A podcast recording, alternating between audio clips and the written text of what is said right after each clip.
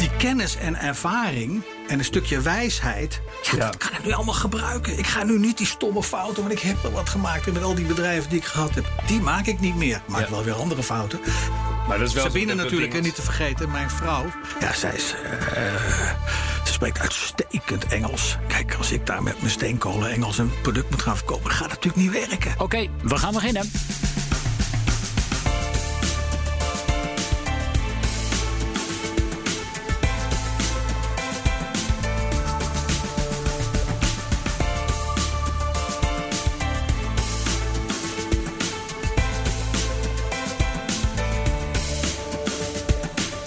Is BNR's Baanbrekende Businessmodellen, aflevering nummer 12. De podcast waarin we praten met bedrijven die zichzelf opnieuw uitvinden en nieuwkomers die bestaande markten opschudden. Nou, ik ben John van Schagen en Patrick van der Pijl is uiteraard ook weer van de partij. En wij gaan het komende half uur in gesprek met een ondernemer voor wie 2020 wel een goed jaar was. Hij werd namelijk overladen met prijzen. Nou, zometeen hoor je wie hij is en met welke innovatie hij de wereld wil veranderen. Dat is een cliffhanger dus. Want eerst vertel ik je graag nog iets over wie deze podcast mede mogelijk maakt.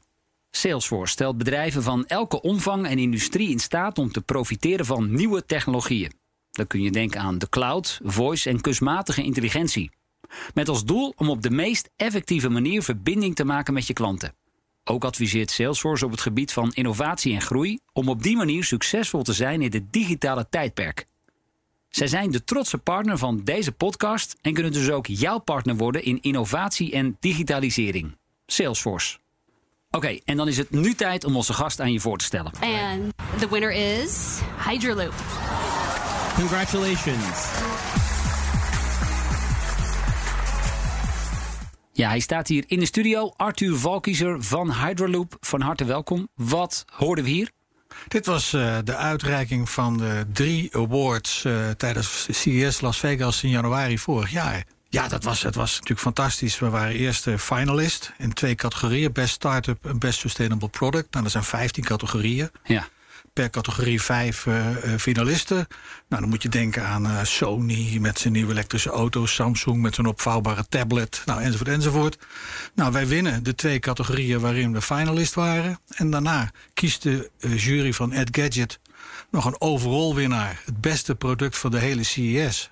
En dat was Hydroloop ook. Uit Nederland. Uit Nederland. Ja, en voor de mensen die dat gemist hebben, wat maken jullie precies? We maken een waterrecycler. Eh, en, en wat het doet, het vangt je water op van je douche. Ehm, eventueel ook nog van je wasmachine of van handen wassen. Ehm, en dan wordt dat water weer helemaal helder en zuiver gemaakt en gedesinfecteerd. En dan gebruik je dat water een tweede keer voor die toepassingen waar je geen drinkwaterkwaliteit voor nodig hebt. Toilet, tuin. Toiletspoeling, wasmachine, tuin, autowassen, dat soort dingen. Ja. Ja, en het is een apparaat, het is een soort kleine koelkast, hè?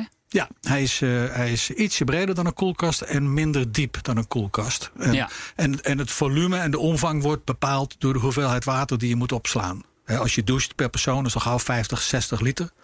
Nou, je kunt je voorstellen, als je 200 liter moet opslaan, heb je een bepaalde afmeting nodig. En dat bij deze is dat, eh, die je nu op de website ziet, is voor vier à vijf personen. We hebben ook nu afgelopen CES, vorige week, de 600, dat is de dubbele capaciteit voor grotere gezinnen, hebben we geïntroduceerd. En we komen ook nog met een kleinere. Patrick, kende jij het product al? Ja, ik kende de, het via CS. En misschien voor de mensen die dat niet zo ehm, kennen of daar niet eerder van gehoord hebben, dat is wel echt een toonaangevende beurs Ja. op het gebied van eh, Nou, het is innovatie. de beurs, denk ik wel. Ja, en, en eh, ehm, ze zijn er ook heel trots op dat ze bijvoorbeeld de compactdisc, de laserdisc, dat soort dingen allemaal als eerste geïntroduceerd hebben via die beurs. Dus ja, zo kreeg ik dat wel eh, te horen. Dat is wel tof, omdat je dan denkt van, ha, komt wel uit Nederland. Ja, Hollands Glorie. Want vertel even, er deden ook nog andere bedrijven mee. en niet de minste. Ja, Nederlandse bedrijven? Nou, nee, gewoon, ik bedoel, volgens mij Sony. was- Ze Ja, zat ook nee, in de finale. ja, iedereen staat daar. eh, eh, je hebt eh, Sony, die introduceerde daar zijn elektrische auto. Samsung, zo'n opvouwbare tablet. Ja. Eh, eh, 4000 bedrijven, 20.000 producten. Bijna 200.000 bezoekers, duizenden journalisten. Ja, wij stonden daar eh, als, als Ja. Hydra-loop. En eh, Apetrots natuurlijk. Gaan er dan ook ineens allerlei deuren voor je open? Ja, ja, ja, het is onvoorstelbaar. Kijk, en, en Uh, uh, wij, wij, hadden daar niet eens van, überhaupt van durven dromen natuurlijk zoiets. Hè? En, en je hebt als, als, als, als je met een nieuw product komt... en met name als dat iets is wat nog niet bestaat... dan als het product dan klaar is en het werkt en het functioneert... dan is er geen vraag.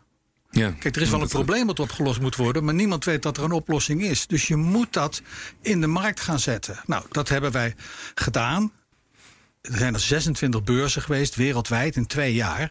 En nummer 27 was de CES in Las Vegas. Wow. Nou, en dat, dan is, dat is de grote ommekeer. Dat we in één keer de hele wereld overgegaan zijn. En dat iedereen nu weet van A, de kracht van het decentraal waterrecyclen. En B, Hydroloop als oplossing en als voorbeeld hoe ook anderen dat kunnen gaan doen. Ja, nooit wint er iemand iets in Las Vegas, maar jij wel. Ja, ja precies. Ja. Hey, maar ik wil even inzoomen op iets wat jij zegt. En dan kijk ik even naar jou, Patrick. Um, Arthur heeft het hier over een oplossing wat niemand kent. En ik vraag me ook misschien maar even af: is het überhaupt wel een probleem wat we allemaal kennen? Ja, nee, dat, ik, uh, ja, zeg maar, het, het waterprobleem is een veel uh, groter probleem. En bijvoorbeeld uh, ook een Nederlands bedrijf zoals Wavin is daarmee bezig om zeg maar, uh, afwatering beter te organiseren. Maar die hebben zeg maar, in hun Wavin groep ook een bedrijf zitten, Netafim, en die houdt zich bezig met irrigatie, et cetera. Alleen ik denk dat mensen daar nog onvoldoende bewust van zijn. Weet je, hetzelfde is met uh, bijvoorbeeld uh, beveiliging uh, digitaal. Als wij niet een hele harde aanval krijgen uit Rusland of Oekraïne vandaan, dan denk je nou, het valt eigenlijk allemaal wel mee. Dus je ziet wel dat als er ineens geen druppel meer uit de kraan gaat komen, ja, dan gaat het, kan het voor consumenten veel harder gaan. Dus ik denk dat er een gedeelte is nog, nog niet dat probleem ziet.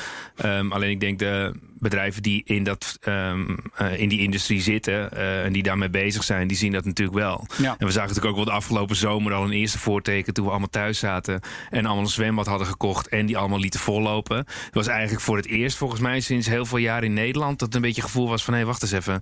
We ja, hebben wel een probleem met de water. Dit was het derde jaar. En 2018 bijvoorbeeld uh, was ook al in de zomer. Een, kijk, dat staat dan nog niet volop in de krant. Behalve dat het waterleidingbedrijf zegt: ja, graag korter douchen en niet je tuin sproeien. Maar dat komt omdat hun buffervoorraden Waaruit ze dat die, die raakten gewoon op. Ze hebben zelfs in sommige provincies hebben ze met, met ontheffingen van de provincie strategische uh, buffervoorraden mogen aanspreken. Dat zegt al genoeg. Ja, ja, en ik op jouw uh, vraag terug te komen, John, dan zie je dan, ja, dus er moet een probleem zijn. Die moet groot genoeg zijn.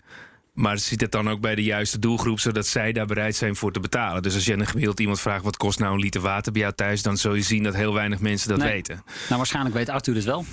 In Nederland 1,20 euro ongeveer. Voor? Voor een kuub, 1000 liter. 1000 liter, 1000 liter. ja. ja.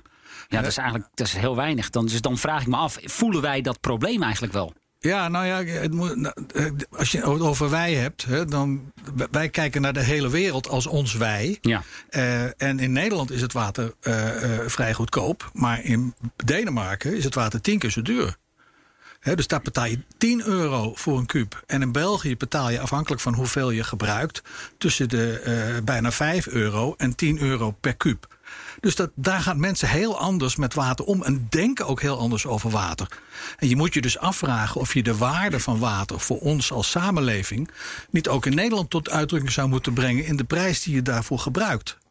Ja. Voor betaald, sorry. Ja, is dat misschien ook misschien zijn grootste uitdaging, uh, Patrick? Dat je, je moet toch een soort mensen moeten de pijn gaan voelen voordat ze ook bereid zijn om daadwerkelijk een hydroloop te gaan aanschaffen. Ja, absoluut. En, en, en kijk, in die context uh, gaan mensen dan ook anders handelen. Dus als jij weet dat je, nou ja, nu de laatste jaren de energienota zeg maar, steeds een discussie is. Ja, daar word je mee geconfronteerd. Dat zie je in je portemonnee.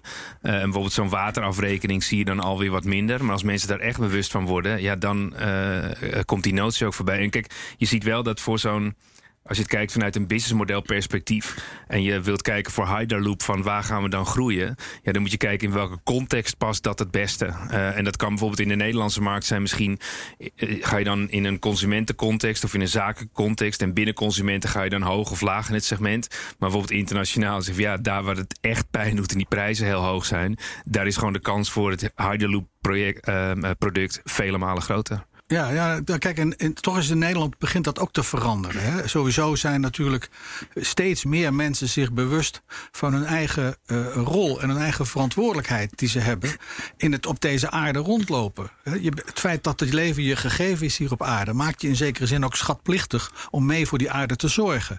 En er zijn steeds meer mensen die zich daar bewust van zijn. Dus waar, als zij ja. een huis bouwen, dan zorgen ze ervoor dat dat zo gebouwd wordt dat het goed geïsoleerd is. Er komen zonnepanelen op het dak. Nou, die mensen die zijn ook geïnteresseerd, als ze toch bezig zijn met hun huis, om die paar duizend euro extra uit te geven om een waterrecycler Ja. en een energiebespaarder er daardoor Maar Arthur, zetten. daar zeg je inderdaad wel iets. Mensen kijken daarbij ook altijd naar hun portemonnee. Dus wat, wat kost het? Wat kost het en wat is de terugverdientijd? De, eh, eh, de terugverdientijd hangt af waar je woont. Hè? Maar als je het dan over Nederland hebt. Alkmaar, ja? Alkmaar denk ik zo'n jaar of 15 terugverdientijd. Eh, overigens, die, dat hele concept van terugverdientijd... dat is natuurlijk ook wel interessant. Hè? Want wat is de terugverdientijd van je magnetron? En wat is de terugverdientijd van je, eh, eh, eh, van je douche? Ja. Hè? Dus Maar- het is... Het is Ja, of neem iets als kinderen bijvoorbeeld. Dat is echt volgens mij ook een Ja. hele lastige investering om te kijken wat krijg je daar nou Ja, eigenlijk. precies. Je return dus- on dus investment. ik, ja. ik begrijp heel goed dat natuurlijk daarnaar gekeken wordt. Hè? Want uiteindelijk vertaalt alles zich naar geld, naar kaststromen. Hè? Zou je haast hè, kun je zeggen. Dat is ook zo.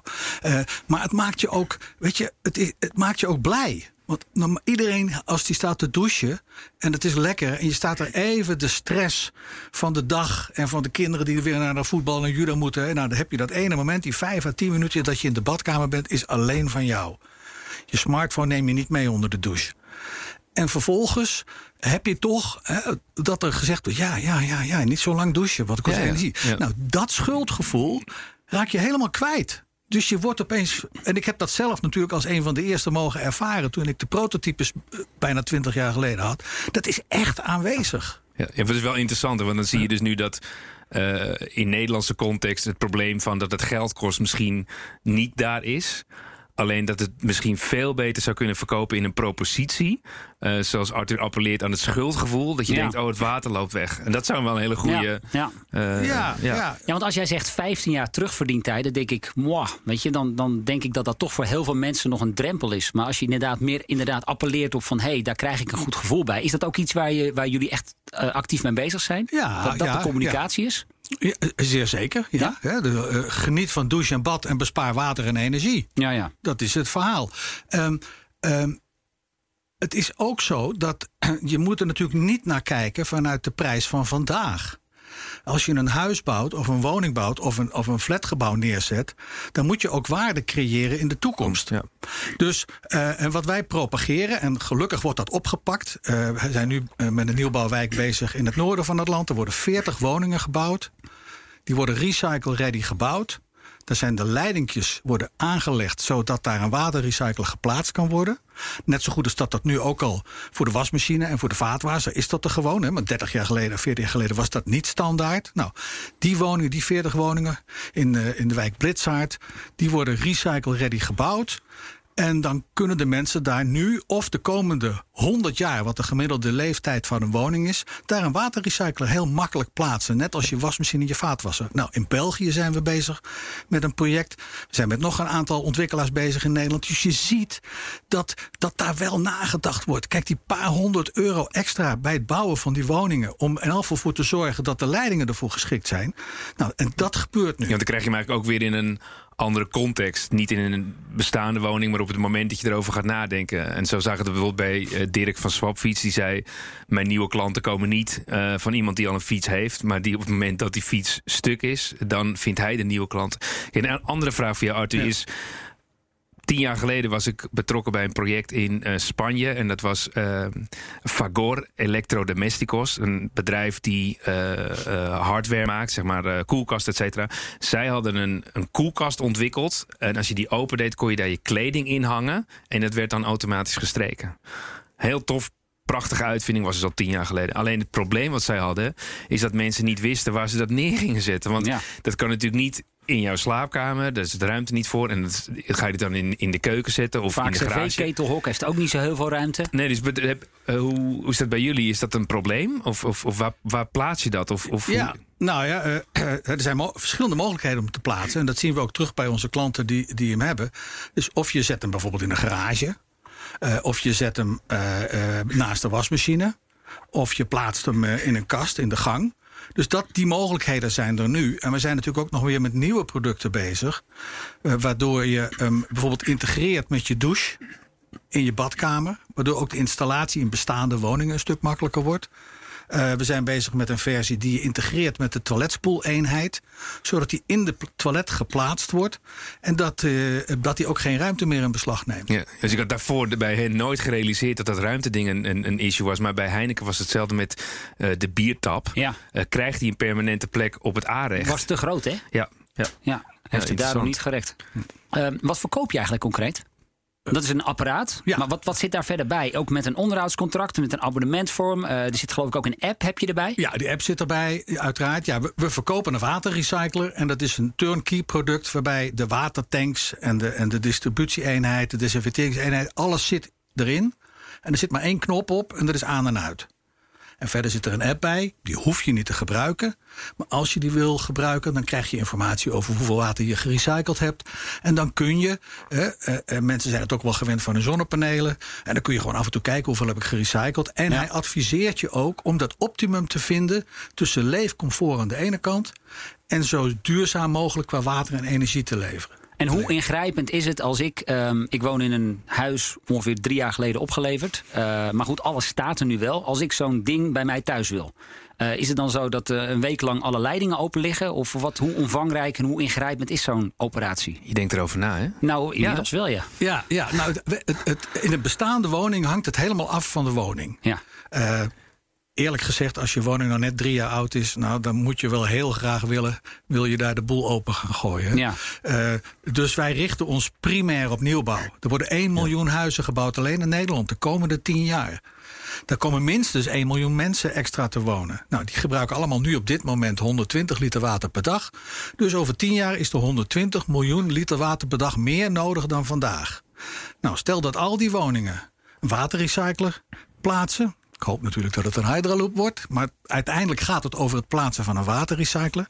Dan bespaar je dus 45 tot bijna 50 procent op dat leidingwaterverbruik. Dus je remt de groei af. Ja, ja. En ook de uitstoot van rioolwater. Want die wordt ook veel minder. Dus dat heeft natuurlijk in alles wat erachter zit. Enerzijds het toeleveren van gereinigd water door het waterleidingbedrijf. En het vervolgens verwerken van het afvalwater. Daar kun je dus gaan calculeren op een, een mindere sterke groei van de capaciteitsbehoefte daar. Ja, daar heb je wel partners voor nodig om dat te doen. Want ik neem aan dat jullie niet zoveel uh, installateurs uh, in dienst hebben om al die dingen zelf te gaan installeren. Nee, we zijn juist heel druk bezig met, uh, met het opzetten van uh, uh, partnernetwerk. Daar heeft CES natuurlijk enorm mee geholpen. Er kwamen duizenden e-mails binnen. En inmiddels heb je, als je op onze website kijkt, zie je al dat we al wereldwijd al partners hebben. En, er, en er gaan ook al zendingen naartoe. Maar kan een gemiddelde installateur dat doen? Want ik weet, als je bijvoorbeeld zonnepanelen wilt aanleggen hè, of, of iets dergelijks, dan moet, moet je daar toch wel even wat extra. Zonnepanelen aanleggen voor, is veel moeilijker, Ah, okay. veel complexer. Dit moet je. Het, Dat vind ik wel trouwens heel interessant. Hè? Dus in mijn perceptie zou het anders. Ik dacht, had gedacht Ja. dat zonnepanelen makkelijker waren Ja. dan de Hydraloop. Nee, moet je de dakpannen, dakpannen eraf moet een hele frame aangelegd Ja, ja. Natuurlijk. Hè, dat, eh, kijk, een Hydraloop is, is ietsje ingewikkelder dan het aansluiten van een wasmachine. Nou, we adviseren niet dat mensen dat zelf doen. Eh, maar als, als je er een koopt en de leidingen zijn voorbereid, Ja. nou, bij een nieuwbouwwoning, hè, dat is dat Recycle Ready concept, dan komen we de Hydraloop brengen, of onze partners dan, hè, dat doen we niet zelf. En in anderhalf, twee uur is die aangesloten en getest en gaan die mensen weer weg. Ja, dus misschien koop je hem straks wel gewoon bij Coolblue. Patrick, dat partnermodel, hè, dat zie je toch best wel heel veel in de markt. En zeker voor bedrijven die de grens overgaan. Nou, dat doet Hydraloop. Wat komt daar allemaal bij kijken als je inderdaad gaat werken met partners? Nou, kijk, de eerste keuze die je hebt in je eh, businessmodel... dat je denkt van, hé, ga ik het direct doen of ga ik het via partners doen? Nou, uiteindelijk zie je dat je voor jezelf de vraag moet stellen... waar wil ik nou echt goed in zijn? Um, maar als je ook wilt schalen, dan heb je partners absoluut nodig. Alleen in het buitenland is dat toch nog wel even moeilijk. Er wordt wel vaak heel makkelijk over gedacht. Dat ik zelf ook met de uitbreiding van mijn uh, bedrijven... Um, dan denk je altijd van, hé, hey, die partner die nu belt... is hij dan meer dan geïnteresseerd, want hij ziet het voor zijn klant... of dat hij denkt, ik heb überhaupt werk nodig. En het uh, zit ook vaak in een andere context. Kijk, als je um, zo'n mooi product internationaal wilt laten groeien... dan heb je ook wel partners nodig die die kennis hebben uh, en die dat ook op de juiste manier, zoals uh, dat voor ogen heeft, uh, kan installeren en er zorg bij kan. dus ja, dat is, dat is wel even een, een, een, dingetje om uit te zoeken en te, en te kijken of dat past. Ja, precies. Nou, dat, dat doen we dus ook. Hè. En, en we zijn natuurlijk de afgelopen maanden opgeschaald. Hè. We hebben in oktober onze financieringsronde succesvol afgerond. Dus we hebben nu het, het kapitaal om, de, om de groeiplannen voor de komende jaren uit te kunnen rollen. Nou, een van de dingen bijvoorbeeld is... we hebben 500 partners wereldwijd die onze producten willen gaan verkopen. Nou, dat is alleen al om dat op een goede manier te bespreken, heb je mensen voor nodig. Nou, dat team, dat, dat is er nu en het is aan het opbouwen. Dus we zitten nu met, uh, met 23 mensen en dat gaat heel goed. En wat we gedaan hebben, is in de verschillende disciplines, zoals uh, technical support, uh, verkoopmanagement, partnerrelaties, daar hebben we mensen aangenomen die datzelfde al deden in andere sectoren. Ja, die, je wilt mensen die dat trucje al een keer gedaan hebben. hebben. Kennis, ja. precies. Ja, ja, dus zo kunnen we dat versneld op, uh, uh, opschalen. En verder uh, gebruiken we video's en trainingsprogramma's zodanig dat die dealers en die partners zichzelf kunnen trainen, trainen uh, gebruik maken van alles. Ja, nou zo werkt dat tegenwoordig. Ja, bijvoorbeeld wij zouden dan echt in het BIS-model ook zien dat je zegt: hey, het uh, partner aansluiten of due diligence stuk, dat heeft gewoon echt een onderdeel in het programma. En, en bij een gemiddeld bedrijf zou je dat niet zien. Maar juist een bedrijf zoals dit in groei, dan, dan heb je dat nodig.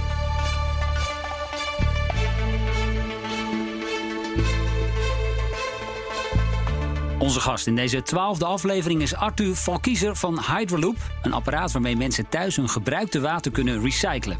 Nou, zometeen hoor je meer. Eerst duiken we zoals elke week het verleden in. Wat komt er nu weer uit de oude doos? Elke week gaan Patrick en ik terug naar een beroemd moment, een speciale ondernemer of grappige anekdote uit vroegere tijden. Patrick, wat is jouw moment? Ja, ik dacht deze keer iets mee te nemen uit een andere industrie. Uh, en waarom? Omdat je qua businessmodellen daar heel veel van kunt leren. Dus uh, zeg maar in het begin jaren 2000 had je een bedrijf die bestond al sinds 1959 en die zat in de energie, maar dan een andere naam. En die had de club Sun Edison, uh, is toen opgezet door uh, Shah. En wat is Sun Edison? Nou, die was bezig met het installeren van de zonnepanelen. Alleen wat bleek nou? Dat, dat zij uh, Jigar die zag dat het heel moeilijk was om die zonnepanelen te kunnen verkopen. Dus die dacht, ja, hoe ga ik dat dan in hemelsnaam doen? Dus um, hij is naar de bank gestapt en die bank zegt, ja, uh, daar hebben wij geen zin in. Want uh, laat eerst maar eens zien dat je klanten hebt. Dus toen heeft hij een businessmodel trucje uitgehaald. En ik had er later ook over gesproken, want ik vond dat fascinerend. Hij zei, ik heb één propositie en dat is een zonnepaneel. Maar niemand wil die zonnepaneel kopen, want die is te duur. Dat was toen, zeg maar, in het begin. Maar wat die mensen eigenlijk willen is een lagere energierekening. Dus dan geef ik die mensen die lage energierekening. Wat ik aan andere mensen ga doen in mijn businessmodel is niet de bank, maar aan investeerders. Die geef ik een bepaald rendement op die zonnepanelen. Dus wat is hij gaan doen? Is hij is eerst contracten met mensen gaan afsluiten met particulieren en bedrijven om die uh, energiecontracten te verkopen. En zo heeft hij aan de andere kant die investeerders op kunnen halen. En zo heeft dat in zijn businessmodel gecombineerd. En denk ik, ja, dat vond ik echt een, dat is wel echt, echt een hele slimme truc. Ja. ja, goed gedaan zeg. Wat is nog één keer die achternaam? Jigar Shah, S-H-A-H. Kijk, dat spreek je mooi uit. Nou, um, mijn moment uh, is inderdaad ook uh, heeft nou ja, met dezelfde branche te maken. Want we gaan terug naar het jaar 1989. Want dat was namelijk uh, het jaar waarin de allereerste woning in Nederland met zonnepanelen werd uitgerust. En waarom weet ik dat? Het was namelijk bij mij om de hoek bij Castricum. en je zag eigenlijk ehm, tot 2010 dat er eigenlijk nauwelijks in Nederland zonnepanelen kwamen. En uh, toevallig uh, vandaag kwam een rapport van de, uh, het Planbureau voor de Leefomgeving. En zij denken dus dat Nederland de komende jaren zelfs koploper wordt in Europa als het gaat om aantal zonnepanelen. Inmiddels heeft één op de achtste thuis op het dak. Ik ook. Meer dan een miljoen huishoudens zijn dat. En de markt die groeide in 2020 met ruim 40 procent. Alleen Duitsland is op dit moment nog voor ons. En ik vroeg je net al even, Arthur, naar de terugverdientijd. Ik denk dat als je kijkt naar zonnepanelen, dat dat natuurlijk wel een enorme ja, stuwende factor is gebleken. Want ja, doordat mensen het nu binnen drie, vier, vijf jaar terugverdienen, wordt het ineens wel heel erg interessant. Heb je er zelf trouwens thuis zonnepanelen, Patrick? Ja. ja? Maar ook inderdaad meegenomen omdat uh, het een nieuwbouwhuis uh, oh, ja. was. En nu spijt dat ik niet zo'n Hydra uh, loop ja. daarbij kan aansluiten. Maar kijk, dat is ook wel interessant om... Um, eh, voor uh, Hyderloop. Omdat je nu ziet van hé, misschien de mensen in een iets hoger segment of die het ervoor over hebben, die willen dat betalen. Nou, dat is ook hartstikke goed, want daar begint het ook.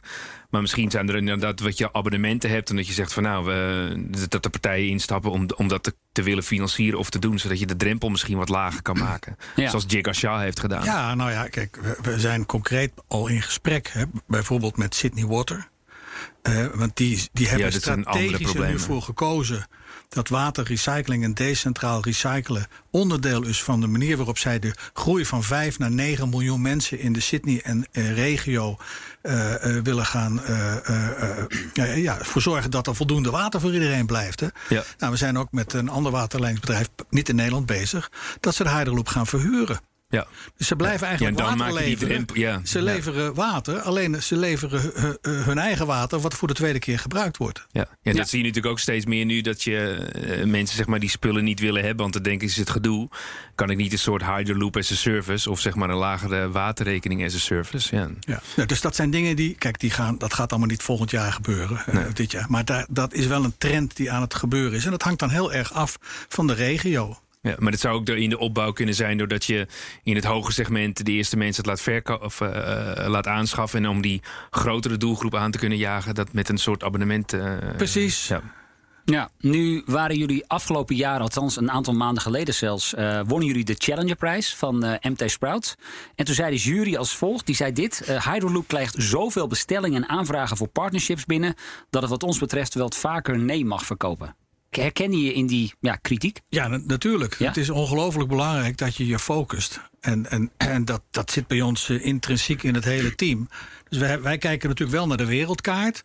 Hè, maar bijvoorbeeld Antarctica, daar zullen we ons niet zo op Nee, dat kan me voorstellen. Maar even als voorbeeld geven. Maar we hebben dat wat meer verfijnd. Ja, maar hoe weet je dan dat als er een partij komt uit Saoedi-Arabië bijvoorbeeld... waar wel degelijk een probleem is... maar hoe weet je dan dat zij ook daadwerkelijk betrouwbaar zijn... en, en, en doen wat ze beloven? Nou ja, we zijn Saoedi-Arabië. Er zijn nu uh, units onderweg. Hè, daar werken we samen met een van de universiteiten. Daar wordt een hele nieuwe stad gebouwd, Neon City. Oh ja, nee. Zo voor... Gigantisch. Dat duurt wel een paar decennia. Maar de eerste huizen worden nu gebouwd en er komen hydroloops in. Ja. Nou, je kunt je voorstellen dat op het moment dat dat goed gaat, en dat zal goed gaan, dan wordt dat standaard in het bestek meegenomen. Nou, en zo, zo hè, laat ik het anders zeggen, Saoedi-Arabië was niet voor ons een A-land. Nee. Omdat het een beetje lastig is om daarmee uh, te communiceren. Maar nu, doordat de universiteit erbij betrokken is... en doordat ook buitenlandse bedrijven daar qua, qua uh, installatietechniek en, en architectuur en zo bij betrokken zijn... ja, doen we dat wel. Uh, maar hoe weet je dan dat je met de juiste partner in zee gaat? Ik kan me voorstellen als een universiteit zich meldt, dat is dan wel betrouwbaar. Maar een willekeurig partij uh, uit Argentinië bijvoorbeeld. Ja, nou, als, er is een schitterend netwerk van ambassades en consulaten wereldwijd. Ja, ja. En, en, we hebben natuurlijk economische zaken die ons op vele manieren support. En een van die manieren is, is dat je samen met hen ook een check van je partners kan doen. Dan zeg ik er meteen bij, kijk, een, een, een partner die misschien uh, 10 of 20 of 30 van die systemen per jaar gaat verkopen. Ja. Daar is dat wat simpeler. Die, daar tekenen we een partnerovereenkomst mee. Uh, dat hij een inkoopsprijs krijgt. En hij moet een trainingsprogramma doen. En als hij dat goed gedaan heeft, dan krijgt hij nog een iets lagere inkoopsprijs. En dan gaat hij ze verkopen. In het begin hebben we met onze supportafdeling dat we die mensen wat moeten ondersteunen. En op een gegeven moment snappen ze het. Een wasmachine plaatsen kan ook inmiddels bijna iedereen. Nou, dus zo bouwen we dat op. Dat is het ene soort partner. Maar je hebt natuurlijk ook andere partners die bezig zijn met grote uh, uh, uh, gebouwen. of die zeggen van nou, ik wil misschien wel private label gaan doen. Dus dat soort gesprekken zijn we En hoe zijn zie je dat, private label? Dan maken wij de Hydroloop en er staat gewoon een andere merknaam op. En zij verkopen onder hun eigen merknaam. Ja. Patrick, is dat een slimme strategie wat jou betreft? Ik zou het niet doen. Want? Nee, kijk, de, de, de, je ziet zeg maar een paar modellen altijd voorbij komen. Uh, en, en, modellen uh, op papier die aantrekkelijk uh, zijn. Kijk, één ding wat, wat Arthur zegt, je moet echt focus aanbrengen. Want um, om een voorbeeld te geven, Fatboy destijds die zag de hele wereld als markt. Uh, en er werden bijvoorbeeld uh, de, de, 20 van die, die, die, zitzakken. Ja, die zitzakken, ja. ja. werden er 20 teruggestuurd uit Afghanistan. En ben je hele uh, je omzet ben je kwijt op de regio Afghanistan. Dus dat, dat is een goede, goede zaak. Alleen bijvoorbeeld, je, je moet je op lange termijn afvragen: van hé, hey, um, wat is de rol van Hyderloop? En wil ik dat wegzetten als brand? En ga ik dan gewoon mijn poot stijf houden dat gewoon Hyderloop op blijft staan? Of zeg je van hé, hey, die private label, die zie ik nou als mogelijkheid. En het is geen kritiek, maar ik zie het bij heel veel bedrijven naar voren komen dat je denkt van hé, hey, oh ja, private label, dat komt eigenlijk altijd wel voorbij. Ja. Maar ik, je ziet dat op lange termijn het altijd interessanter zou kunnen zijn om je naam erop te blijven. Omdat je geen merk opbouwt op die manier. Ja. ja. Ja, nou, ja, nou ja, kijk, wij hebben een missie. En de missie is dat we mensen, en in het Engels klinkt het mooier, empower people and organizations to uh, recycle water. Water. En, precies. Nou, die, dat is de missie. Dat gaat ertoe leiden dat als we tien jaar verder zijn, vijftien jaar verder, dat er geen gebouw meer gebouwd zal worden, waar dan ook ter wereld, zonder waterrecycler. Ja. Dat is de enige manier waarop we dat probleem kunnen oplossen. Nou, we kunnen nooit 100% van de markt hebben. Dat kan helemaal niet. Als wij 10% straks hebben over 15 jaar, en er worden alleen al in Amerika een miljoen woningen per jaar gebouwd. Dus door onze technologie beschikbaar te stellen aan onze concurrenten, kunnen we er juist baat bij hebben als zij onze producten met hun merknaam in diezelfde markt naast wij neer gaan zetten. Dat is onze strategie. Ja, zo zeg je dat het inderdaad onderdeel is van een veel grotere strategie dan die ene omzet die Ja. binnen te halen. Ja. Ja. Ja, maar ik hoor je wel heel ja. veel verschillende dingen zeggen. Hè? Want we hebben het nu private label hebben we gehoord. eh, misschien een soort verhuurconstructie. Nee, dat gaan wij allemaal niet doen, die verhuur. Nee, dat Nee, doen oké. onze klanten dan. Ja, ja, oké. oké. Ja. Maar is het dan niet slimmer om je, net inderdaad wat Patrick zegt, je wel echt heel duidelijk te focussen op zowel een aantal landen, hè, dus je niet de hele wereld pakt, en ook heel duidelijk met een bepaald businessmodel, in plaats Precies. van ja, een soort van ratje ja, toe? Ja, ja, ik heb natuurlijk, misschien moet ik dat nog wat duidelijker zeggen. Wij focussen ons nu primair op een aantal landen in Europa: België, Duitsland, Nederland, eh, Denemarken. UK zijn we mee bezig. Dus dat kunnen we makkelijk zelf eh, eh, die relaties aangaan. Zuidwest-Amerika. Dus Texas, Californië. Daarom hebben we net onze eh Inc. Ja. opgericht. Je zegt overigens, de landen die je noemt in Europa is allemaal een beetje midden-Noord-Europa. Terwijl je zou denken, Italië, Spanje, Ja, ja. daar hebben ze veel grotere Precies, waterproblemen. ja, dat klopt. Maar dat- we kiezen er heel bewust voor om daar niet naartoe te gaan. Omdat water spotgoedkoop is en politiek bepaald wordt. Hmm. Dus eh, eh, eh, mensen mogen daar niet de tuin sproeien. Dus doen ze het s'nachts. Zo gaat Hè? dat dus, daar. ja, dus, Ja. dus die markt is er niet. Dus dat is Ja, nou net die focus. Ja. Dat is heel belangrijk. Dat komt wel. Maar we moeten gewoon even wachten daar. Totdat dat politiek dus ook eh, eh, eh, een noodzaak wordt. En dan gaan we natuurlijk die markten ook op. Ja. Ja. Ja. Een andere vraag die ik heb Ja. is: ehm, dus dan ga je op een gegeven moment schalen. Dan zou ik denken, komt er dan je eigen Hyderloop fabriek? Of, of hoe weet je dat je uiteindelijk ook kunt blijven leveren en dat je die capaciteit eh, gaat bouwen? Ja, en nou- waar doe je dat dan? Ja, precies. Nou ja, eh, op dit moment produceren we niet zelf. De productie hebben we uitbesteed bij een bedrijf in Emmen, Technologies Added. En zij bieden productiecapaciteit aan en helpen je ook overigens bij het opzetten van die productielijn, want zij doen dat eigenlijk. En zij produceren onze Hyderloops. En bij hen kunnen we opschalen tot, tot 10.000 stuks in een paar jaar tijd. Daarnaast is het natuurlijk heel wel mogelijk dat als dat zich in Australië gaat ontwikkelen, Ja, die dingen ga je niet overal verschepen natuurlijk. Nee, kijk, die, je plas- daar. die plastic tanks die kun je daar ook maken. Ja. Er staat op elke hoek van de straat bij wijze van spreken een rotatiegieterij. Ja, ja. Alleen de, de, de printplaat met de software, die leveren wij natuurlijk. Hè? Ja. En op die manier kunnen we controle houden. En hè, wat ik nog niet gezegd heb, elk systeem zit aangesloten op onze server. En wordt door ons 24 uur per dag gemonitord. Zo kunnen we de app voeden, maar kunnen we ook het werk van onze eh, partners beoordelen. Als er ergens iets niet goed is aan een machine, dan weten wij dat en dan geven wij dat door. Ja, dus je kunt de hardware kun je uitbesteden, maar de software hou je heel ja, Precies. bewust bij, bij jezelf. Precies, ja. En dat kunnen we controleren doordat wij eh, eh, eh, de, de, de ECU, de control unit, leveren. En die zit ge- aangesloten op ons server. En wij kunnen de locatie, uitle- de coördinaten uitlezen waar die staat. Dus als iemand hem oppakt en ergens anders neerzet, bijvoorbeeld een concurrent, dan weten wij dat. Ja, kijk. En wat En, heb je en daar dan dan doet voor? hij het niet meer. Ja. Maar dat is wel mooi, want eigenlijk betekent dat je. eh, je begint natuurlijk eh, klein en op een gegeven moment moet je eigenlijk al voorsorteren op die Champions League. Dus je moet eigenlijk al in een eerder stadium investeringen doen om een, een schaalbaar eh, zo is het altijd, model te, ja. te vinden. Eh, maar hoe doe je dat dan met data en zo? Heb je daar ook een bepaalde infrastructuur voor? Dat Ja. je weet met welke klanten je zaken doet, waar ze zitten en dat je daar informatie voor opbouwt? Ja, met met de data bedoel je die wij verzamelen. Ja, maar ook van eh, klantdata of hoe je. Ja, dat eh, komt allemaal uiteindelijk in onze eigen beschermde serveromgeving terecht. Ja. Eh, en er zijn daar maar een aantal mensen die er toegang toe hebben. Ja, Eh, en, en ook dat gaat dus mee opschalen. ja. Ja, maar aan de andere kant, dat, dat hebben andere bedrijven ook gedaan. We hebben nu één server. Ja, dat worden er straks meerdere natuurlijk. Hè. Ja. zeggen één server in Noord-Amerika en één server daar en één server daar. Ja, Ja, maar wat bijvoorbeeld Tesla doet met allemaal fabrieken hier en daar op de wereld, zou dat bijvoorbeeld over tien jaar voor Hyperloop ook een optie zijn? Tuurlijk. Alles wat dienbaar, dienstbaar is aan onze missie, dat gaan we doen. Ja. Patrick, wat ik me wel afvraag is. Wij hebben hier nu een ondernemer in de studio staan. Iedereen is waanzinnig enthousiast. Product overladen met prijzen. Dan zou je zeggen: hier staat de toekomstige Elon Musk. Dit wordt een wereldhit. Ja, die, die, die kans is heel groot. Maar dat komt omdat het zeg maar in qua eh, technologie is opgepikt. Ehm, alleen nu komt het er ook op neer eh, dat je met die investeringen, zeg maar, die uh, markt kunt veroveren en, en de performance van je onderneming uh, goed kunt doen. En kijk, uh, je hebt wel andere, wat gekkere voorbeelden van. We zien wel eens vaker dat ondernemingen bezig zijn met het product nog mooier te maken. We noemen dat vaak wel featureitis. Ja, ja. Weet je, dan ben je zo mee bezig. Terwijl je eigenlijk het probleem zit hem niet in hoe mooi dat apparaat eruit ziet, maar dat hij, ze, dat hij zijn ding doet. En bijvoorbeeld zo'n Segway, dat zei iedereen, nou straks gaat iedereen het ding gebruiken. Bleek helemaal niet zo te zijn. Ja, er zit natuurlijk altijd een risico in. Dus je ziet ook dat uiteindelijk gaat het over de performance ook te kunnen leveren eh, in zo'n. Uh, ja, ja, wat zie jij, Arthur, als de grootste drempel om dit echt een wereldhit te maken? Uh, nou ja, kijk, er is sowieso een, een, enorm groeiende noodzaak. Dus dat, dat creëert nu de vraag. En nu mensen weten dat er een oplossing is, gebeuren twee dingen. Wij worden benaderd of wij onze oplossing kunnen leveren. Ja. En in allerhande boardrooms wordt daar nu ook over nagedacht van... hé, hey, dat zou wel eens een businessmodel kunnen zijn. Ja. Dus dat is alleen maar goed. Ja, dus een aanjager inderdaad. is een maar aanjager. En, en, is geen garantie op succes. Nee, nee, is geen garantie op succes, maar de noodzaak is er. En uh, vervolgens, de volgende stap is dat het dus in het bouwbesluit komt.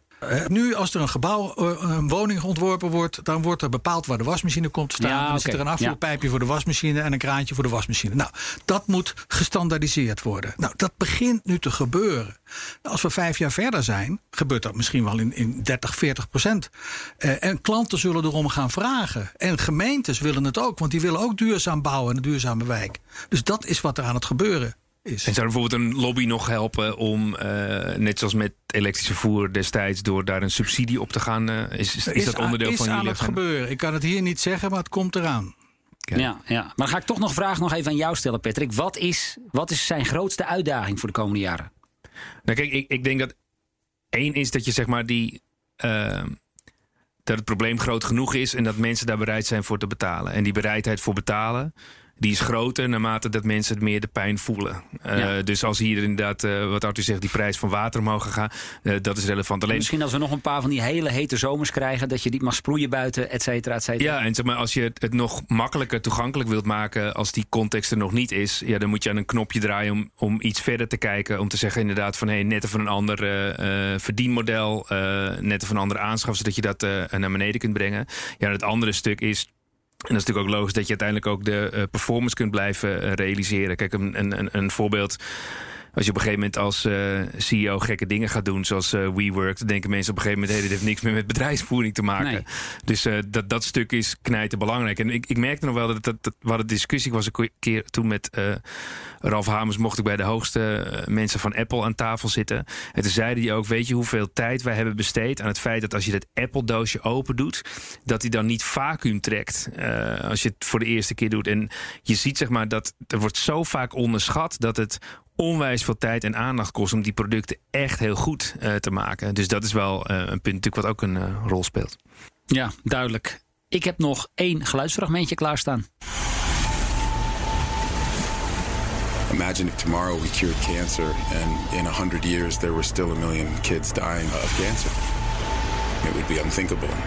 But that's the situation we find ourselves in with water. Ja, Netflix. Ja, ja, ja. Want daar zijn jullie ook te zien. Ja, ja, ja. Zo, zo, uh, uh, soms valt het allemaal tegelijkertijd de goede kant op. Hè? Nou, dat is hier gebeurd. De opnames voor die film Brave Blue World, waar ja. Hydraloop uh, in gepresenteerd wordt als een van de oplossingen om dat wereldwijde waterprobleem op te lossen. Die opnames zijn in de zomer van 2019 gemaakt. Half jaar voor CES. Ja. En, uh, en, en zes maanden na CES gaat Netflix die serie kopen. of die, dat programma kopen. En gaat dat wereldwijd rond. Ja. Kijk. Kijk, soms. Uh, Perfect storm. Precies, ja. Maar we, uh, we waren bij de Deutsche Welle. eh, eh, binnenkort eh, komt er ook een, een, grote wereldwijde partij opnemen. Eind februari gaat de hele wereld over. volg, in mei is al opgenomen een programma voor de NBC in Amerika. Een interview met mij met allemaal beelden erbij. Ja, dat, dat, dat helpt natuurlijk allemaal. Het is allemaal gratis publiciteit. En deze podcast uh, draagt daar natuurlijk ook een uh, steentje aan bij natuurlijk. Ik vond het leuk dat je er was. Dank Ik heb nog één, één, één, vraag, vraag. Dan heb je een gevestigd naam in de, in de mediawereld. Je hebt je bedrijf gehad. Uh, dat heb je succesvol kunnen verkopen. En dan zouden de meeste mensen denken, nou zo. Het is en jij bent gewoon in een heel andere industrie, heel andere technologie. Ja, maar dat heeft, heeft er wat tijd tussen gezeten. Hè. Ik, ik verkocht mijn bedrijf natuurlijk vrij jong. En uh, mede ook omdat ik dacht, ja, als ik in mijn leven nog eens wat anders uh, wil doen, dan moet ik daar niet te lang mee wachten. En, maar de anderen gaan een boek schrijven? Ja, nou ja, ik, ik, kan niet, ik heb geen boek geschreven, maar ik ben wel gaan studeren bijvoorbeeld. Ik heb uh, mijn commerciële vliegbuffet gehaald. Dus allerhande dingen gedaan die me ook wijzer gemaakt hebben. Ja, en dan het is een soort hele lange sabbatical geweest. Waarin ik niet niks gedaan heb, maar niet een bedrijf heb gehad. En vervolgens ben ik hier aan begonnen. Nou, als je, het begin was gewoon uh, de keuze maken en uh, een aantal problemen oplossen. Kijk, er waren al waterrecyclingssystemen. Alleen niemand wil dat in huis hebben. Ja, Nou, dus het, en, en er zit filtertechniek in die maakt dat je onderhoud nodig hebt. Dus wezen waren de bestaande systemen, daar kon je precies aan zien waarom het geen succes zou worden. Nou, die dingen moesten dus opgelost worden. Nou, dat heb ik gewoon, ben ik mee begonnen met een klein groepje mensen in de garage. En toen we voor onszelf bewezen hadden dat we een nieuwe technologie hadden die ook patenteerbaar is en, en nu gepatenteerd is. En de vormgeving is natuurlijk heel belangrijk. Ik ben natuurlijk fotograaf, mediaman. Vormgeving is alles. Dus het moet goed verpakt zijn, het moet weinig vloerruimte in beslag nemen en het moet een technologie hebben die uniek is en patenteerbaar is. Nou, dat hebben we gedaan. Dat wist ik niet toen ik eraan begon. Maar ja, dat is wel eruit voortgekomen. Ja, Arthur Valkiezer van Hydroloop was dat. Inspirerende vent en wat mij betreft ook echt een gave uitvinding dat de potentie heeft om in de toekomst een gamechanger te worden. Mooi ook om een keer een gast te hebben die echt nog aan het begin staat van zijn businessmodelontwikkeling. Nou, check natuurlijk ondertussen ook onze andere afleveringen in deze reeks op bnr.nl en in je favoriete podcast-app. Volgende week vrijdag dan zijn wij er uiteraard weer met een nieuwe show en dan te gast Selecta. Nou, ik ken ze vooral van de koffieautomaten, maar ze doen inmiddels veel meer. En dat moet ook wel, nu half Nederland thuis aan het werk is. Het is een businessmodel waar ik samen met Patrick wat dieper in ga duiken. Uiteraard met een vers bakje koffie. Dag.